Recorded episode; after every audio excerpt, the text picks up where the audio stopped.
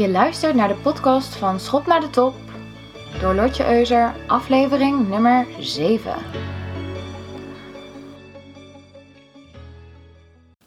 Good morning allemaal. Wat een prachtige dag. Het zonnetje schijnt, ik koffie. Wat willen we nog meer? Vandaag gaan we het hebben over de meningen van anderen. En wat een heerlijk topic. ik maak deze podcast want ik weet dat er velen van jullie zijn die hier continu tegenaan lopen. Dus we beginnen met een uh, kleine rant van mij vandaag. Bereid je maar voor. Oké, ten eerste. Ik oordeel. Jij oordeelt. Je buurvrouw oordeelt. We oordelen allemaal. Dit is iets wat altijd al gebeurt. Is iets wat nu gebeurt. Is iets wat morgen gaat gebeuren. Overmorgen, volgende week, volgend jaar. Over 30 jaar. Dit is niet iets wat we kunnen veranderen. Al wil jij van wel. Ja, je zou heel graag willen dat andere mensen stoppen met oordelen. Maar dan vooral over jou. Je zou heel graag willen dat de wereld je aardig vindt en nooit kritiek op je heeft. Ja, geef maar toe. Maar dit is niet veranderbaar, mensen. Eh, er wordt gewoon geoordeeld. We kunnen niet zorgen dat iedereen ons aardig vindt. Ook al gebragen we ons nog zo lief en zetten we ons schattige stemmetje op. En zijn we het nooit oneens met anderen? Beginnen we nooit discussies? Leveren nooit openlijk kritiek? Je kunt gewoonweg niet zorgen dat iedereen je aardig vindt. De meeste van ons besteden ontzettend veel tijd van hun leven aan het denken aan wat andere mensen over hun vinden. Zullen ze me aardig vinden? Zullen ze de kleding die ik draag leuk vinden? Uh, we spenderen hier zoveel tijd aan. Wat zal mijn vriendin denken? Wat zal mijn moeder denken? Wat zal mijn buurvrouw denken? Wat zullen zij erover denken? En nou ja, het is natuurlijk meestal je moeder of je vrienden. We laten dit ons leven in beslag nemen. We gedragen ons anders. We liegen over zaken omdat we willen dat andere mensen een bepaalde mening over ons hebben. Dat kan als gevolg hebben dat je eigenlijk, dat je eigenlijk niet je eigen leven leidt zodat je dat, zoals je dat zou willen. Je gaat je anders gedragen. Je laat andermans mening jouw leven en hoe je je leven leeft beïnvloeden. Het is zo belangrijk om te bedenken dat we gewoon geen invloed hebben op de mening van anderen. Een mening moet je zien als iets wat buiten jou omgebeurt. Dus je hebt er geen invloed op. Al zou je tegen iedereen dus ongelooflijk aardig doen in je leven, er zullen altijd mensen zijn die jou niet aardig vinden. Daarnaast kun je alleen maar beïnvloeden over hoe jij denkt over de mening van iemand anders. Niemand weet namelijk hoe iemand echt denkt. Ook al zegt diegene bijvoorbeeld: Oh ja, Lot, hele leuke blouse. Ik weet nooit of diegene dat echt vindt. Iemand kan zijn mening uiten. Maar is dat echt hoe hij of zij denkt? Of ligt er toch nog een filter overheen? En de waarheid is: we kunnen dit dus niet achterhalen. We zullen nooit echt weten hoe mensen echt denken. Het is ook niet jouw zaak hoe zij denken. En daar gaan we vandaag over praten. De mening van anderen is iemands anders zaak. Is none of your business. Het is gebaseerd op hoe zij denken, hoe zij in het leven staan. Dat creëert hun mening. Dus als je weet uh, dat hoe andere mensen denken gebaseerd is op uh, hun overtuigingen, hun waardes, achtergrond. Dat zijn allemaal zaken die jouw mening of ja, iemands anders mening beïnvloeden. Dan weet je dus ook dat de mening die zij hebben meer over hen zelf zegt dan over jou. Het legt als het ware bloot hoe zij in het leven staan. En daarom vind ik mening ook zo interessant. Want het zegt gewoon heel veel over hoe iemand in het leven staat. Gebaseerd op wat diegene denkt, vindt of voelt. Nou ja, maar die mening van anderen kun je niet beïnvloeden. Het zegt meer over hen dan over jou. En ik ga even een voorbeeld noemen. Uh, waarbij zeg maar, jij de constante bent. Dus jij verandert niet. Maar je zult zien dat jij ook geen invloed hebt op hoe andere mensen denken. Stel, je loopt een feestje binnen. En je loopt een kamer binnen, zijn allemaal mensen, staan tien mensen. Je hebt een jurk aan. Al die tien mensen zien die jurk op dezelfde manier. Je zegt, je vertelt hetzelfde verhaal aan alle tien. Je ziet er precies hetzelfde uit. Ehm, je praat precies op dezelfde manier. En alle tien kijken ze naar jou. En jij bent de constante, want jij verandert op dat moment niet. Toch zullen zij alle tien een andere mening over jou hebben op dat moment. Vanuit hun eigen waarden, vanuit hun eigen overtuigingen, vanuit hun eigen achtergrond. Dus snap je wat ik bedoel? Dat je ook al kun je je nog op een bepaalde manier voordoen, er zullen altijd mensen zijn die een, een andere mening over je hebben. Of die, of die nou positief is of negatief. Weet je, dat boeit eigenlijk niet. Want het gaat hier niet om die mening van een ander. Het gaat hier om jou. En hoe ga jij hiermee om? Dus jij kunt je nog zo aardig gedragen, maar er zullen altijd mensen zijn die, ja, die jou gewoon niet zo aardig vinden. Dus uh, op dat feestje zullen er dus die tien mensen zullen met verschillende views naar jou kijken. En ook tien verschillende meningen over jou hebben. Ook al zeg, doe, gedraag je je precies hetzelfde. Hoe komt dat dan? Hè? Dat mensen dan, nou ja, dat al die tien mensen toch een verschillende mening over jou vormen op dat moment. Nou, dat komt bijvoorbeeld door associaties. Ze associëren jouw naam met iemand uit een verleden, een gemene tante bijvoorbeeld. Dus dan ben je eigenlijk al de Sjaak voor je überhaupt een woord hebt gezegd. Of uh, ze houden gewoon niet van pailletjes bijvoorbeeld. En jij hebt net een hele glitterjurk aangetrokken naar dat feestje. ja, dan kun je nog zo aardig doen. Maar dan zullen ze je waarschijnlijk niet zo leuk vinden. Door die associatie met of die gemene tante. Of het feit dat ze gewoon niet van pailletjes houden. En ja, laten we eerlijk zijn. Als mensen zwanger worden en ze moeten een babynaam kiezen. Dan doe jij dit toch ook. Want jij hebt ook bepaalde associaties bij bepaalde namen. Als iemand bij jou in de klas vroeger je pestte. En die diegene heet bijvoorbeeld Bas, dan zul je je baby niet snel Bas noemen. Ja, zo werkt het gewoon. Maar ja, hoe zorg je dan dat je niet meer bezig bent met wat andere mensen van je vinden? En hoe ga je dit minder belangrijk vinden? Hoe ga je er minder tijd mee spenderen? Om, dus, om je zorgen te maken over wat je moeder van je nieuwe baan vindt. Of wat je vrienden van je nieuwe lover vinden. Want het is zo zonde dat we hier zoveel tijd mee kwijt zijn. Nou, ik probeer het als volgt te zien. En dit is iets wat ik van Bor Castillo heb gehoord. Je kunt een nog zo sappige persik zijn, die zoeter dan zoet is en mooier dan alle andere persiken. Er zullen toch altijd mensen zijn die niet van persik houden. En ik hou zo ontzettend van dit voorbeeld, want het is gewoon de waarheid. Er zullen altijd mensen zijn die niet van persiken houden. En dat is helemaal oké. Want voor die mensen heb je appels of bananen. Laat ze lekker in die appel bijten. Snap je? Dat heeft helemaal niks te maken met de kwaliteit van die perzik. Dus dat zegt niks over die perzik. Dat zegt gewoon dat die mensen niet van perzik houden. Dus de eerste tip van mij die je krijgt is: wees vooral niet een appel als je eigenlijk een perzik bent, omdat je denkt dat mensen je dan leuker zullen vinden. Wees jezelf. Wees voor de 100% jezelf. Het is helemaal oké dat er altijd mensen zullen zijn die het niet met je eens zijn, niet je vriend willen zijn. Want die worden dan de vriend van iemand anders. Er zijn genoeg mensen op aarde. Dit is oké. Het zegt niks over jou. Je bent gewoon een geweldige persik. En sommige mensen houden gewoon niet van persik. Dus, wat we ook doen. Als er mensen zijn die altijd een mening zullen hebben. Dan kunnen we maar beter gewoon besluiten dat we sowieso ons hele leven gaan leiden zoals we willen aangezien we er toch geen invloed op hebben wat voor mening anderen over ons vormen. En het dus eigenlijk ook niks aan jou verandert. Want jij bent nog steeds een persik. Je kunt je niet in één keer als een appel gaan gedragen. Het maakt je niet, het maakt je niet gelukkiger. Weet je, je voelt je daar niet prettiger door. En er zullen altijd mensen zijn die jou gewoon niet zo aardig vinden. Maar ik zie vaak dat heel veel vrouwen zich veel te veel aantrekken van andermans meningen.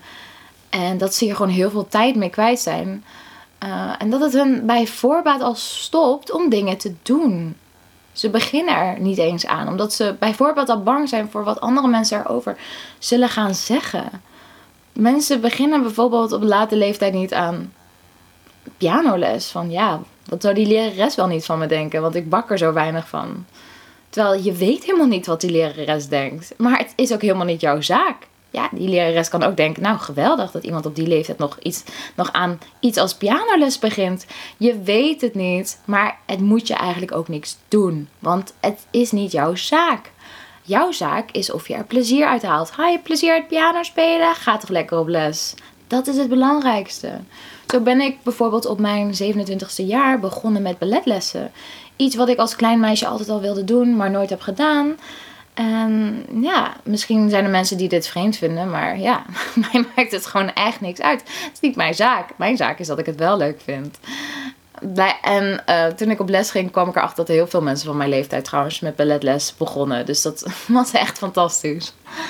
Nou ja, Weet je, dat je dat je, je laat tegenhouden doordat je bang bent wat andere mensen ervan zullen vinden. Beperkt zich vaak niet alleen maar tot je persoonlijke leven, tot de persoonlijke keuzes die je maakt. Weet je, of je een relatie aangaat, of je gaat scheiden, of dat je kinderen neemt, of dat je geen kinderen neemt. Ehm, al die zaken uh, ja, die, waar mensen de meningen van anderen ja, laten bepalen wat ze gaan doen. Dat is zo zonde. Je moet doen wat jij wilt. Jij moet leven met de consequenties, niet die andere mensen. Dus kies je eigen keuzes op basis van jouw eigen mening. Dat is jouw zaak. Maar het beperkt zich dus niet alleen tot jullie persoonlijke levens, maar ook tot jullie zakelijke levens. Want ik weet dat er heel veel vrouwen zijn die zich inhouden die bijvoorbeeld nooit hun hand opsteken tijdens een vergadering, nooit de credits nemen voor hun werk, over zich heen laten lopen, omdat ze bang zijn voor de reacties van andere collega's.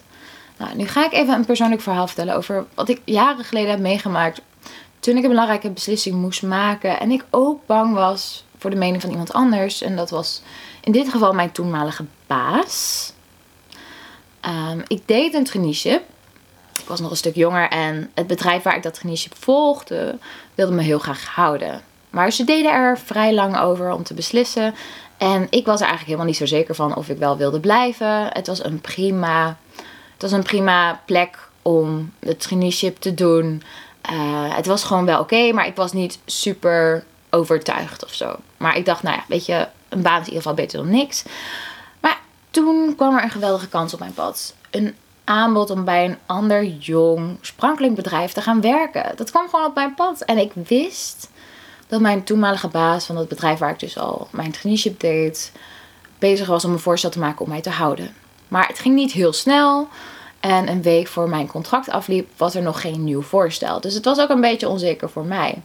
Nou, dat jonge bedrijf had echter heel snel een voorstel klaar. En alles was heel snel geregeld. Mijn salarisindicatie, mijn contract en dergelijke. Zat het allemaal klaar liggen. Dus dat was top. En het voelde ook echt goed op alle mogelijke manieren. Dus ik wist gewoon dat ik dat moest gaan doen. Maar ja, toen moest ik dus nog gaan mededelen aan mijn baas dat ik niet bij dat toenmalige bedrijf wilde blijven werken. En die man was een hele aardige kerel.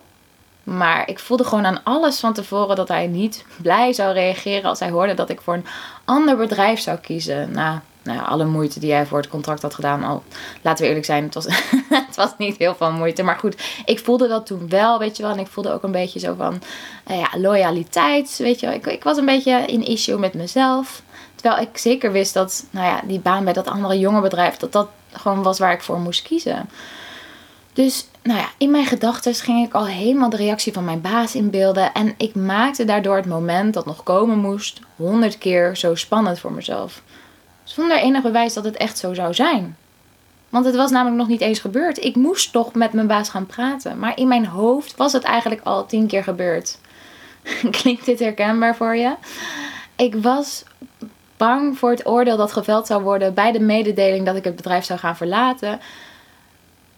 Nog voordat ik überhaupt de mededeling had gedaan. Dus ik maakte me eigenlijk van tevoren al gek over wat andere mensen zouden gaan zeggen. En ja, een hele wijze vriend gaf me toen een heel goed advies. En hij zei: Je moet het niet persoonlijk nemen. Dit is een businessbeslissing. Dit gebeurt in bedrijven. Mensen komen en mensen gaan. Dit heeft het bedrijfsrisico. Je hebt altijd het risico dat mensen toch weggaan, dat mensen voor een andere baan kiezen. En het is gewoon altijd aanwezig. Want je weet namelijk nooit zeker of mensen echt zullen blijven of dat ze over een maand een andere baan hebben aangeboden gekregen. Dus je baas mag teleurgesteld zijn, maar hij zou je eigenlijk het beste moeten wensen. Zo van, nou, ik vind het heel jammer dat je gaat. Ik was net bezig met een contract, maar weet je wat, ik wens je het allerbeste. En als je manager, als je baas dit niet kan handelen, dat jij voor een andere baan kiest, ja, dan is hij gewoon niet professioneel bezig. En die gedachtegang maakte zoveel verschil voor me. Daardoor kon ik het ineens het persoonlijke onderscheiden van het professionele. Dus ik was er eigenlijk klaar voor om de reactie die mijn baas me zou geven te ontvangen. Want in ieder geval, in elk geval, bij elke reactie zou ik gewoon oké zijn. Want ik zou kiezen voor mezelf. Ik zou kiezen voor de baan die ik graag wilde. Of hij me nou het beste zou wensen of wanneer hij boos zou reageren, ik zou helemaal oké zijn. Want zijn mening bepaalt niet mijn toekomst. En gelukkig maar. Want ja, als je, mening, als je toekomst gebaseerd is op wat andere mensen willen, ik weet niet of het altijd dan goed afloopt. Nou ja, dus ehm, het deerde me niet meer hoe hij zou reageren. Dat had geen invloed meer op me, want ik wist dat ik de juiste keuze voor mezelf had gemaakt op business level en persoonlijk level. En ik zag dus zijn reactie als iets wat niet mijn zaak was, ehm, maar ja, iets wat van hem was. Nou, dit is een heel goed voorbeeld van dat ik me zorgen maakte om iets en ik mezelf daardoor eigenlijk tegenwerkte. Ik maakte me veel te veel zorgen over wat hij als mening zou gaan vormen over mijzelf. Ik maakte de hele situatie alleen maar erger voor mezelf. Door mezelf telkens in te beelden hoe hij zou gaan reageren. Verschrikkelijk. Als ik hierover na terugdenk, denk ik, jeetje, wat heb ik mezelf aangedaan? Maar ik weet dus uit ervaring dat heel veel vrouwen dit ook doen. Ze maken zichzelf al gek voordat ze überhaupt de uitkomst weten. Voordat ze überhaupt hun eigen mening hebben uitgesproken. Dus, wat als dit? Wat als dat? Wat als dan? Wat als hij zo reageert? Wat als hij zo reageert? Nou, het, kijk, het kan goed zijn om voor zo'n gesprek jezelf voor te bereiden. Dat je gewoon je verhaal helder hebt en dergelijke. Maar maak jezelf niet gek. Het belangrijkste is, niemand kan jouw leven leven. Niemand kan leven met de beslissingen die jij maakt. Alleen jij. Jij weet wat het beste voor jou is. En er zullen altijd mensen zijn die het oneens zijn. Die er een andere mening over hebben. En we willen zo graag iedereen te vriend houden. We willen niemand kwetsen. We willen het gewoon niet oneens zijn. Maar dit is niet mogelijk. Dus het beste wat je kunt doen, is ermee te leren dealen. En dit kun jij. Ik heb in mijn omgeving maar een paar mensen waarvan ik hun mening echt op prijs stel. Die ik echt op waarde schat. En dan vaak zijn we het alsnog oneens. en dat is helemaal prima. We zijn perfecte vrienden, ook al zijn we het oneens over zaken. En natuurlijk trek je sneller mensen aan waarmee je het eens bent. Of die je visie delen over de wereld. Of dezelfde geloofsovertuiging hebben. Wat dan ook. Maar je kunt natuurlijk ook gewoon accepteren dat je het niet eens bent. En elkaar daarna nog steeds waarderen. Je hoeft niet direct in die haatmodus te gaan. Of in die gemene oordeelmodus. Je kunt gewoon blij zijn voor die ander. En gewoon accepteren dat hij of zij een andere mening heeft dan jij dan voel je je sowieso veel rustiger. Je ervaart veel meer vrede met je omgeving. Je bent er oké mee dat je moeder je bijvoorbeeld je een nieuwe auto die zij veel te duur vindt, zal afkeuren. Of zal afkeuren de manier waarop je je kinderen opvoedt. Maar je bent er oké mee. Het zijn niet jouw zaken. Je houdt nog steeds van je omgeving en je laat het niet in de weg lopen. Je kunt nog steeds van diegene houden, ook al heb je een verschillende mening. En dat is gewoon pure liefde. Gewoon van elkaar houden zoals je bent. En dat betekent dus niet dat je moet zijn zoals die ander. Of dat die ander moet zijn zoals jij. Je laat elkaar echt in, je waarde om je leven op je eigen manier te leven. Nou, ik heb vroeger in een kledingwinkel gewerkt en ik had de liefste collega's. Ze waren zo empowering naar vrouwen toe. En altijd konden ze iets liefs zeggen over hoe klanten eruit zagen.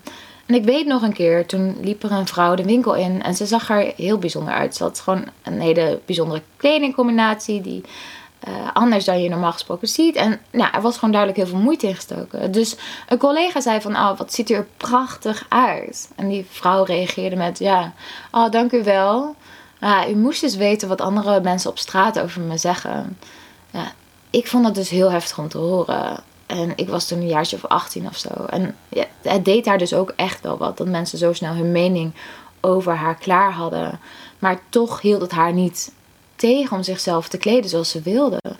En ik vind het iets prachtigs. Ik hou ervan als vrouwen helemaal zichzelf durven te zijn. Als ze hun stijl en hun eigen gevoel volgen. Want er zijn al zoveel mensen die op elkaar lijken. Dus laten we nou eens uitspringen, want dat is veel leuker. Was in die winkel dus nooit haat of venijn of achterbaks geroddel. Het was gewoon pure bewondering en empowering naar vrouwen. En ik heb hier heel veel van geleerd ik was een jaar of 18 en ja, ik leerde gewoon op een hele nieuwe manier kijken naar het leven. En zeker als je net uit die puberteit komt. Ja, je weet natuurlijk hoe pubers kunnen zijn, maar ja, je, ehm, dan ben je natuurlijk niet het meest genuanceerd hè, in je puberteit. Iets is of helemaal, helemaal rot of helemaal geweldig. Maar ja, ik leerde wel echt op een nieuwe manier kijken naar dingen. En eigenlijk was er ook nooit een reden om gemeen te oordelen. Want ja, het levert je niks op. Behalve onaardige gedachten, negatieve gedachten. En is dat dan iets waarmee jij je hoofd wil vullen? Zeker als ik ook zie hoe onaardig vrouwen over elkaar kunnen oordelen. Oh, wat een slechte chauffeur. Weet je, als je op de weg rijdt. Het zal wel weer een vrouw zijn. ik weet zeker dat, ja, dat heel veel van jullie dit stiekem soms ook denken. Dat zeggen vrouwen over elkaar, hè? Alsof er geen slechte mannelijke chauffeurs bestaan. ik denk niet dat het zo genderspecifiek is hoor. Nou, als ik dit soort dingen hoor, dan vind ik het gewoon niet gek dat er nog steeds een glazen plafond bestaat. We zouden veel meer kunnen doen om elkaar te helpen, om door te stomen naar de top, om elkaar te gunnen om het oneens te zijn, om elkaar te gunnen om onszelf verschillend te kleden, te gedragen, te uiten. Als je het jezelf gunt om je eigen mening te hebben, gun het dan een ander ook. En dan in alles facetten. Dus gun het diegene ook om zich anders te kleden, te gedragen, te praten, te, nou ja, naar buiten te, te tonen. Zonder dat meteen met de grond gelijk te maken. Het begint allemaal bij jezelf. Ik heb een vriendin en die geeft gewoon toe van, ja, ik werk veel liever met mannen dan met vrouwen. En toen dacht ik, ja, maar dit is dus hoe we elkaar ondermijnen zo degradeer je eigenlijk je eigen geslacht. Want je zegt eigenlijk dat vrouwen niet capabel genoeg zijn om met jou samen te werken. Maar ja, wie is hier dan het probleem? En ja, het grappige was, ik had heel fijn met haar samengewerkt. Ik voelde me ook niet persoonlijk aangesproken. Maar ja, als we dit soort dingen zeggen, dan houden we een soort van vijandschap in stand naar andere men, naar andere vrouwen. Je maakt het nu genderspecifiek, maar het heeft helemaal niks te maken met man of vrouw. Het heeft helemaal niks te maken met gender ook mannen kunnen zich rot gedragen. En er zijn ook mannen waarmee je liever niet samenwerkt. Maar wij maken het soms in één keer zo dat het om geslacht gaat draaien. We vervallen in die stereotyperingen. En weet je, ik heb met fantastische vrouwen en mannen samengewerkt. En ik ben van plan dat in de toekomst voort te zetten. Dus gun het jezelf in eerste instantie om jezelf te zijn. Denk aan die persik, hè? Wees gewoon die volle sappige persik. Maar gun het ook anderen om die persik te zijn. Dat is even belangrijk. Want verschil is een prachtig iets. Het brengt diversiteit, diepgang, wekt interesse op. Laten we kijken naar elkaars mooie kanten, elkaar meer ophemelen. Want we doen geweldige dingen en dat mag meer gedeeld en erkend worden. We zijn niet elkaars competitie. Er is meer dan genoeg plek aan de top voor al ons vrouwen.